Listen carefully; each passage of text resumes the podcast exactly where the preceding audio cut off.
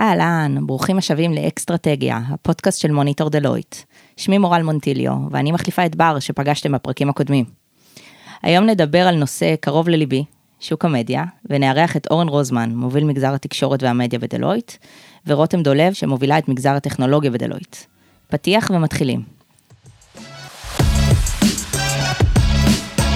אקסטרטגיה, הפודקאסט של מוניטור דלויט.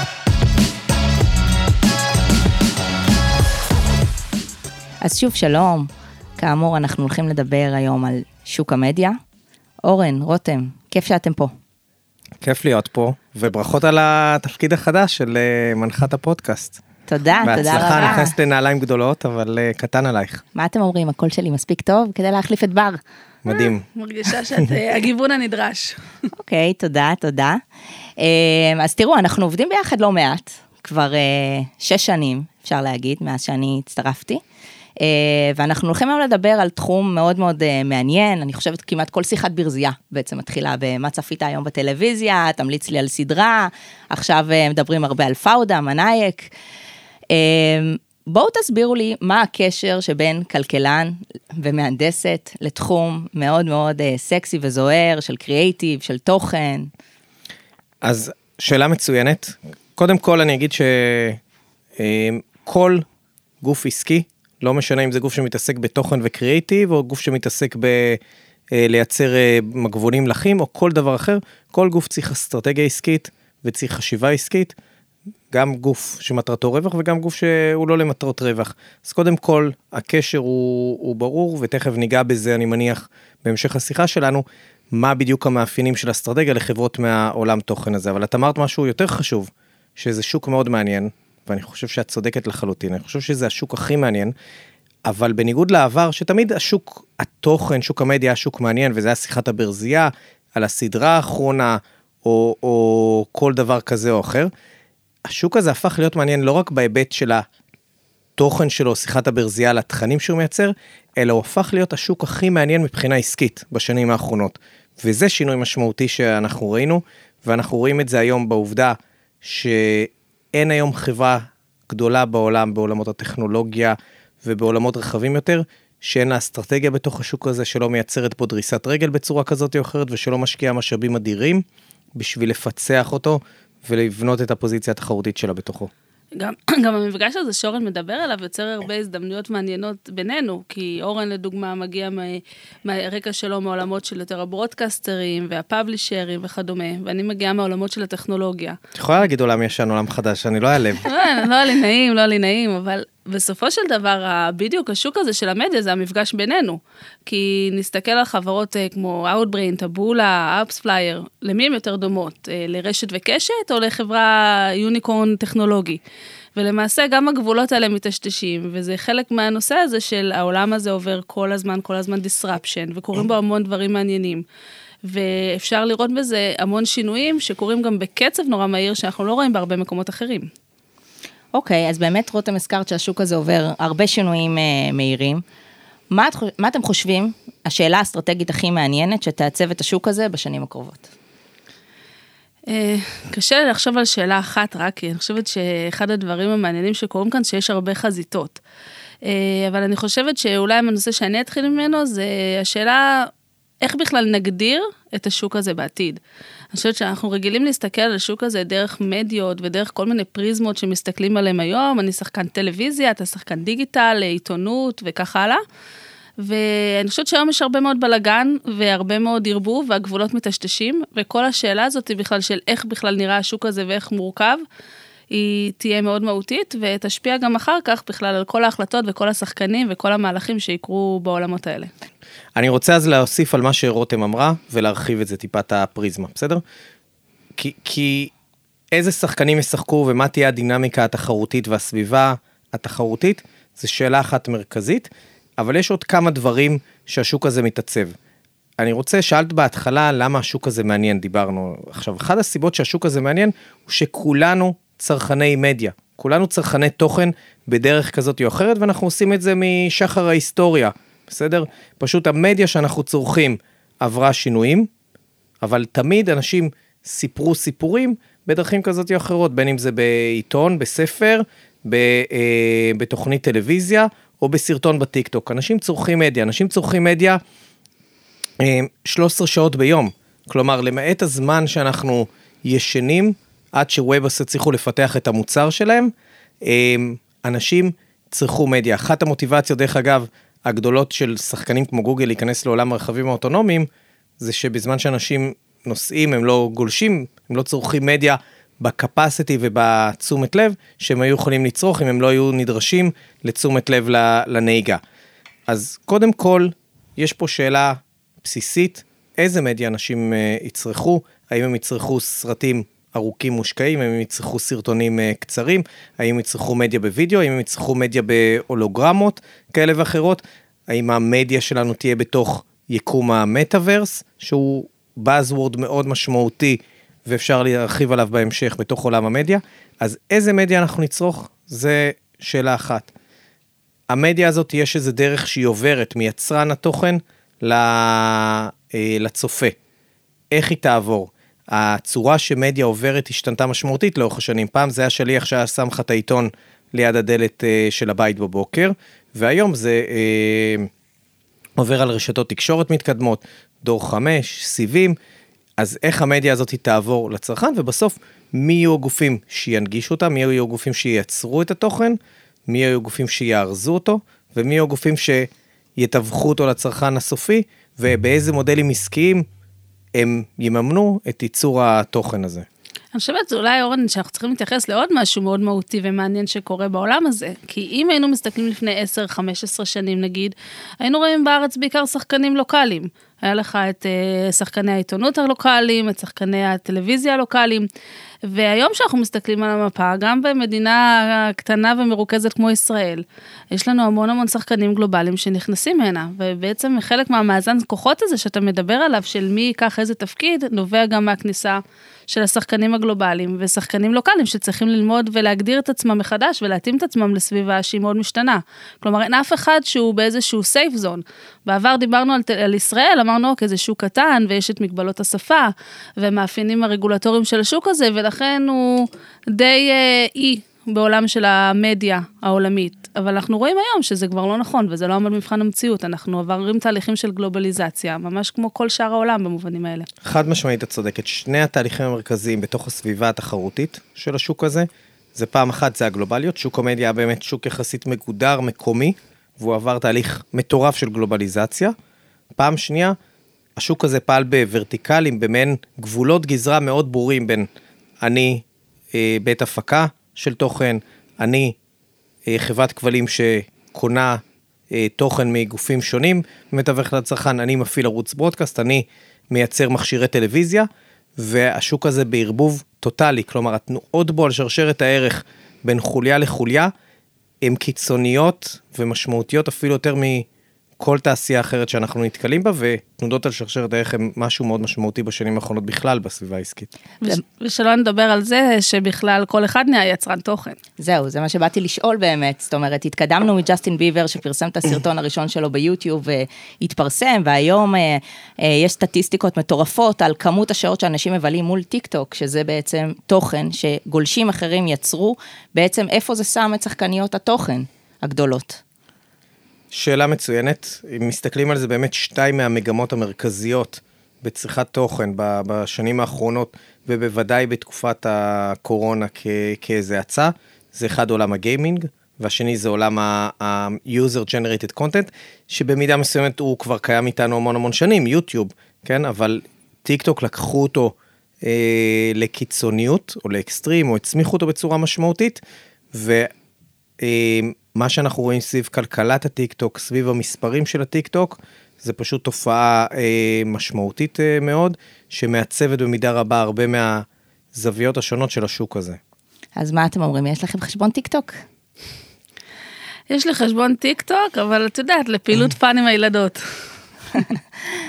אוקיי, okay, אז באמת, אה, אורן, הזכרת שהשוק הזה מתערבב, רותם גם את, בוא ננסה לדבר אולי על השחקנים השונים שנמצאים בשוק הזה.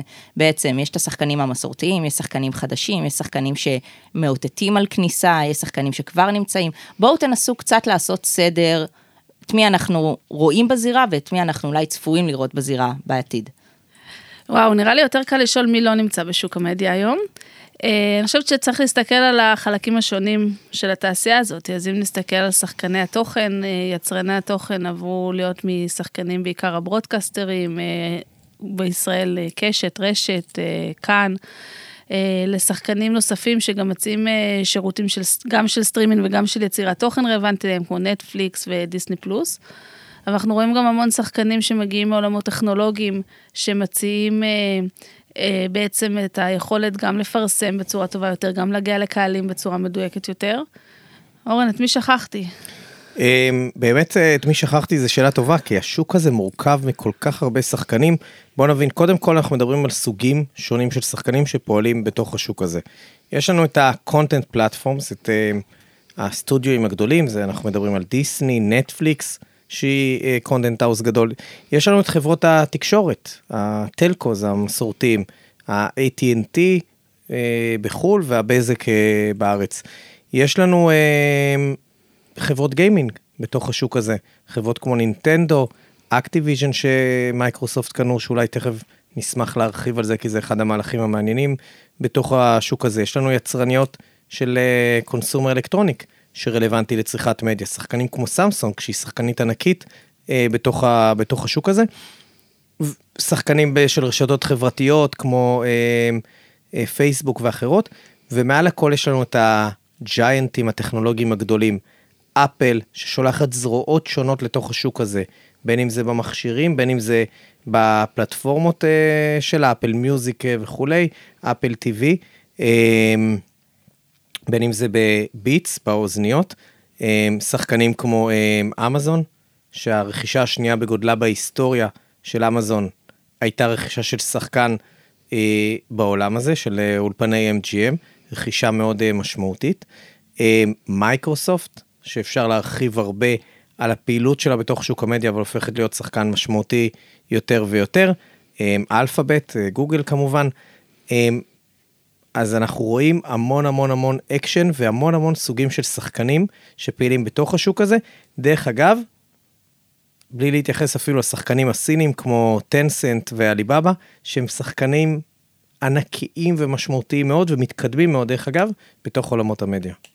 וגם צריך להזכיר שבסוף כמה שיש שחקנים בתוך התעשייה הזו, גם שחקנים שלא משחקים בה בעצם מאוד מאוד מאוד מושפעים ממנה. אז בסופו של יום לכל התעשייה הזו יש אימפקט מאוד מאוד משמעותי על אה, מהלך העסקים הגלובלי אה, אה, בכלכלה העולמית. אה, אז הזכרתם שחקנים, והשאלה המתבקשת לשאול היא, איזה שחקן לדעתכם שווה לעקוב אחריו בשנים הקרובות, נעשה מהלכים מעניינים בעתיד, מה דעתכם? אז אני נתתי רמז כשדיברתי על אקטיביז'ן, על מי החברה שהכי מעניינת אותי בתוך השוק הזה, ומדובר במייקרוסופט.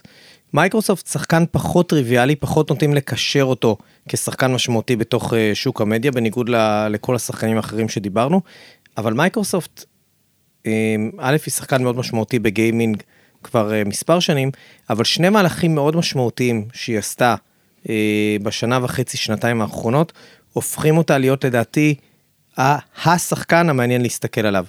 המהלך הראשון זה רכישה של אקטיביז'ן, רכישה ענקית של שחקן מוביל בעולמות הגיימינג. דיברנו מקודם שאחד ה buzzword המשמעותיים, או הכיוונים המשמעותיים שהשוק הזה הולך אליו, זה עולמות המטאוורס. בעצם היום מטאוורס זה, זה אה, תפיסה שמנסים אה, לגבש אותה. המטאוורס האמיתי היום, או החזון של המטאוורס מתממש היום בעולמות של גיימינג, מקומות כמו רובלוקס לדוגמה מי שמכיר. ומייקרוסופט היום מכל ה big tech, ובוודאי עם הרכישה של אקטיביז'ן, היא השחקן המשמעותי ביותר שעושה מהלכים לתוך עולמות הגיימינג ומפתח את אה, עולמות המטאוורס. זה מהלך ראשון. המהלך השני זה המהלך של מייקרוסופט מלפני שבועיים או שלושה עם אה, נטפליקס. נטפליקס בעצם עשתה הכרזה אסטרטגית שהולכת להכניס פרסום לתוך הפלטפורמה שלה. הייתה במשא ומתן עם פלטפורמות יותר מסורתיות כמו אה, גוגל, להטמיע את הפלטפורמות הפרסום שלהם, ובסופו של דבר חתמה על עסקה אסטרטגית עם מייקרוסופט, שמייקרוסופט תפתח את הפלטפורמה, וכנראה זה הולך להיות משהו טכנולוגי מאוד uh, מתקדם, מאוד משמעותי, וייצר למייקרוסופט דריסת רגל משמעותית בתוך אה, עולמות הפרסום. מייקרוסופט גם יש לה את הצד של ה-B2B שלה, חברה מאוד חזקה, מאוד יציבה פיננסית, ועם הכיוונים האסטרטגיים שהיא לוקחת כרגע, שיושבים יפה על הטרנדים של השוק, אני חושב שהיא ה-השחקן להסתכל עליו בשנים הקרובות. האמת היא שאורן גנבת לי את הקונספט המרכזי, כי אני חושבת שבאמת... אז קלעתי לדעת חכמים, חכמות. אם נסתכל על העתיד, אז מעניין אותי באמת, אני חושבת שהדיסרפשן יבוא, באמת אה, מעולמות הטכנולוגיה, עברנו דיסרפשנים של מודלים עסקיים ושל צורת הגעה לצרכן והנגשת התוכן, אבל העולם של המטאוורס שכרגע הוא אייפ ולכן יש גם הרבה ציפייה לראות מה הוא יביא איתו, יכול להיות שינוי ממש מהותי. אבל אם אני אצטרך גם להסתכל, אתם יודעים, על משהו קצת יותר נקודתי, שמעניין אותי ברמה האישית, שאני חושבת שחייב אה, להשתנות, מעניין אותי מאוד גם לראות מה יעשו חברות החדשות של העתיד. כי אני חושבת שאנחנו מדברים כאן, אה, לא נגענו בתוכן, אבל אה, עולם החדשות זה עולם שעבר disruption ממש משמעותי, ומעניין לראות איך אה, חברות החדשות ידעו לקחת את השינויים בהרגלים של הצריכת תוכן, בשילוב עם אה, כמות ה fake news המטורפת שקורית בעולם, וכל הטכנולוגיה שנמצאת בינינו, וימציאו לנו צורה חדשה של צריכת חדשות ושל תכנים, וזה יהיה משהו שמאוד מעניין לראות מה קורה איתו. אני חושב שקלט בנקודה מדהימה. אה, יש אה, מחקר של דלויט שנקרא Future of News, נושא מאוד משמעותי היום, שנמצא על האג'נדה, אולי שווה פודקאסט נפרד בנושא מורן, מכיוון לגמרי. את החלקת ככה בצורה חלקה לנעליים של בר, אז אנחנו כבר מוצאים לך פודקאסטים אה, נוספים, אבל ה-Future of News שרותם אמרה, בסוף ההשפעה שלו, אה, של עולם החדשות, של הנושאים שרותם אה, דיברה, איך התמודדו עם נושאים של fake news, מי ייצר חדשות, באיזה צורה הוא יתווך ל, אה, ל, להמונים, יהיה לו השפעה הרבה הרבה יותר משמעותית מאיזה feature כזה או אחר במטאוורס, על, על המציאות של כולנו בעולם. בסוף, שינויים בעולמות המדיה, אני מזכיר, יצרו מהפכות. האביב הערבי יצא בין היתר בגלל עולמות הפייסבוק והרשתות החברתיות, אה, אפשרו לו ועוררו אותו. אני ממש חושבת באמת, רותם, שהנושא הזה של חדשות הוא מאוד מעניין, כי הוא עדיין איזשהו עוגן אחרון של live שנשאר, אם אנחנו כבר רגילים לצפות בסופו של יום ב... אה, זה והגמר של הכוכב הבא. הגמר של הכוכב הבא, או שאורן אה, יגיד ספורט. ש- זהו, ספורט, ספורט לחלוטין הוא העוגן של הטלוויזיה המסורתית, סוחר העוגן, כמו שאנחנו אוהבים לקרוא לזה, הסופר פארם של הקניון, זה הספורט לטלוויזיה המסורתית. טוב, אז אפרופו פודקאסטים נוספים, אני, זה בוודאות משהו שאני אארח אותך אה, כדי לדבר עליו, אני מניחה שיהיה לזה הרבה ביקוש. אה, אז כמו שאמרנו, באמת חדשות זה אה, התחום האחרון שנשאר בו live, וזה גם תחום, אפשר להגיד, אחרון שהוא נשאר לוקאלי. זאת אומרת, אנשים רוצים לשמוע חדשות בשפה שלהם, במדינה שלהם, ולכן זה איזושהי מגמה שהיא קצת אנטי מגמה למה שקורה לכל, אה, בכל שאר הדברים, ולכן אני חושבת שזה קצת חיה אחרת, ובאמת אה, אה, מאוד מעניין. דרך אגב, חדשות לוקאלי כן ולא, בסדר? כלומר, אנחנו פה חיים באיזה אי מבחינת חדשות, צריך לזכור, אבל אם את מסתכלת ברמה הרחבה יותר, הגלובלית, רשתות כמו אל-ג'זירה, או כמו המהלך שכשל, אבל הוא לא בהכרח אה, לא מבשר על מהלכים עתידיים של CNN פלוס, לא בטוח שברמה הגלובלית אנחנו לא נראה יותר ויותר אה, ריכוזיות בתוך אה, עולם החדשות. מעניין. אה, טוב, אז אנחנו נעבור עכשיו לשאלה האחרונה שלנו, אה, ומתבקשת, כי בסוף אנחנו עוסקים כאן בעולמות של אסטרטגיה, אז שניכם עשיתם לא מעט פרויקטי אסטרטגיה לגופים גדולים אה, אה, כאן בישראל וגם בחו"ל, יש לציין, ואני רוצה לשאול אתכם בעצם מה ההבדל בין לעשות אסטרטגיה עכשיו לגוף גדול, אה, טכנולוגי, רותם זה יותר בעולמות שלך, לבין לעשות לשחקן, ברודקאסטר אה, מקומי, שזה שוב אורן אולי יותר בעולמות הובלה שלך. אה, בעצם בואו תנסו קצת לשרטט לי את השינויים, מה דומה ומה שונה בעצם בין השחקנים השונים, באופן שבו ניגשים לפרויקט אסטרטגיה, לגופים האלה. אה, בהסתכלות ש- שלי מבין השחקניות הטכנולוגיות, אני אחלק אותן לשתיים, בין אה, החברות הרב-לאומיות שפעילות בזה, ואני חושבת שבעולמות האלה השוק הישראלי מאוד מעניין אותם, גם אה, להסתכל על היבטים של השוק המקומי והיבטים של רגולציה וחשיבה לאיך אני ממנף את עצמי יותר נכון בשוק המקומי. אבל יותר מזה, אני חושבת שהם רואים, אה, מסתכלות על השוק, מסתכלים על השוק הישראלי והאקוסיסטם של החדשנות שקורה פה, ואיך אנחנו יכולים בעצם למנף את האקוסיסטם הזה לטובת מהלכים וחדשנות אה, שיכולות לקרות בכל העולם. ואז הרבה חברות אה, יגיעו אלינו מהעולמות הטכנולוגיים כדי לחשוב, או איך אני יכול לקחת את הטכנולוגיה שלי למקומות אחרים בעולם, ואיך אני יכול לפרוץ ולמצוא בעצם שימוש עסקי לטכנולוגיה שעשיתי. או איך אני יכול למנף, מהצד השני, למנף את האקו-סיסטם הזה כדי להבין לאן העולם הולך, כדי להבין איפה המקומות שצריך לצאת להם את הפוקוס, ולענות על שאלות אסטרטגיות שאני כארגון רב-לאומי שואל את עצמי. אז א', כמובן שכל מה שרותם אמרה בסלע ו- ומסכים איתו לחלוטין. אני חושב שכמו תמיד, אה, יש, בכל ענף אני מתכוון, יש אה, דומה ויש אה, שונה בין חברה מקומית לבין חברה בינלאומית, ו... ובכלל בין שחקנים שונים, כי שחקנים שונים עובדים במודלים עסקיים שונים, יש להם הנהלות שונות עם תפיסות עסקיות שונות. אני חושב שהדומה הוא שבסוף כולם מושפעים מאותם טרנדים גלובליים ואתה חייב להבין אותם מאוד מאוד טוב. כלומר, גם שחקן כמו אה, גוגל, או שחקן כמו טבולה, אבל גם שחקן כמו אה, קשת או ענני תקשורת, מושפעים בצורה שונה, אבל מושפעים במידה משמעותית ממהלכים של אה, דיסני פלוס ונטפליקס להיכנס אה, לעולמות הפרסום, ממהלכים של אה, אפל בעולמות ה cookies. כלומר, יש משהו בשינויים הטקטוניים הגלובליים, שבסוף הוא מחלחל ומשפיע על כולם, ואתה חייב להבין אותו מאוד טוב. זה בבסיס. גם העובדה שיש שינויים על שרשרת הערך, שיש שינויים בצורה שהצרכן רוצה לקבל את המדיה שלו, בסוף זה שינויים שמשפיעים על שחקן גדול כקטן בתוך השוק הזה. עכשיו, מה המהלכים שאתה עושה, זה כבר משתנה בהתאם לסוג השחקן שאתה. איזה יתרונות תחרותיים אתה בונה עליהם, מה היכולות שלך הפיננסיות, והאם אתה מסתכל על זה כחברה לוקאלית אה, פרטית או כחברה אה, גלובלית אה, ציבורית על כל המשמעויות הנגזרות מכך, זה כמובן כבר משתנה, אבל בסוף אני חושב שהרבה פעמים אנחנו נוטים לחשוב שזה עולמות אחרים לגמרי, אבל רב הדומה על השונה, כשאתה, איזה שיקולים אתה מכניס לתוך אה, תהליך אסטרטגי כזה. גם את יודעת, דיברנו על זה בהתחלה, שום דבר לא ברור. יש המון המון אי ודאות בעולם הזה, יש המון תרחישים שיכולים לקרות.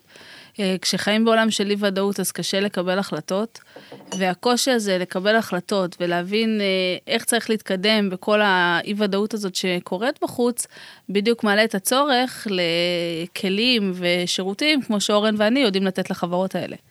לעזור להם לנווט באי הוודאות הקיימת כיום. מעולה. טוב, אז חברים, אי אפשר בלי לסיים, אה, בלי שאלת... כבר נגמר? אה, אתם רואים מה זה? אנחנו יכולים לדבר על מדיה שעות. לגמרי. עוד, לא, עוד לא התחלנו. אה, נסיים אבל בשאלת הברזייה. תמליצו לי על סדרה. או-אה. שאלה קשה מאוד, אני אתן לך להתחיל, רותם, אני צריך לחשוב. זכיתי. אני חושבת שאנחנו נמצאים בתקופה מאוד מוצלחת של התוכן המקומי, ולכן הסדרה המוצלחת האחרונה שאני ראיתי הייתה מנייק. אה, שהדהים אותי, ואני מקווה שהיא רחוקה מהמציאות, אבל אה, הייתה אחלה סדרה. א', גנבת לי, ב', אני גם בעד אה, תוכן מקומי, למרות שאני הולך להמליץ עכשיו על משהו שהוא לא מקומי, אז אני אאזן את זה, תרשי לי שתי המלצות. כי קודם כל, מי ששומע את, ה... את הפודקאסט הזה, אז אני מאמין שמעניין אותו העולם האסטרטגי והעולם העסקי, אז uh, אני רוצה להמליץ על פודקאסט שאני מכור אליו, נקרא ביזנס וורס, שמתאר סיטואציות של שתי חברות וההתפתחות העסקית שלהם אחת מול השנייה לאורך זמן, מאוד יכול לעניין uh, אנשים ששומעים אותנו, גם מאוד מתקשר בסוף לתהליכים שאנחנו עושים בעבודה שלנו היומיומית. Um, סדרה ישראלית הייתי גם ממליץ על מנאייכ שהיא סדרה נהדרת, אבל ב... לקחת ליד את התשובה הפעם, הפעם היה תורך לקחת את ה... את התשובה שלי, אז אה, נמליץ על סדרה ישראלית אחרת, Black Space, גם סדרה מצוינת עם אה, גורי אלפי, אה, אין על תוכן ישראלי. יופי, תודה חברים, תודה על הזמן שלכם. תודה לך. תודה.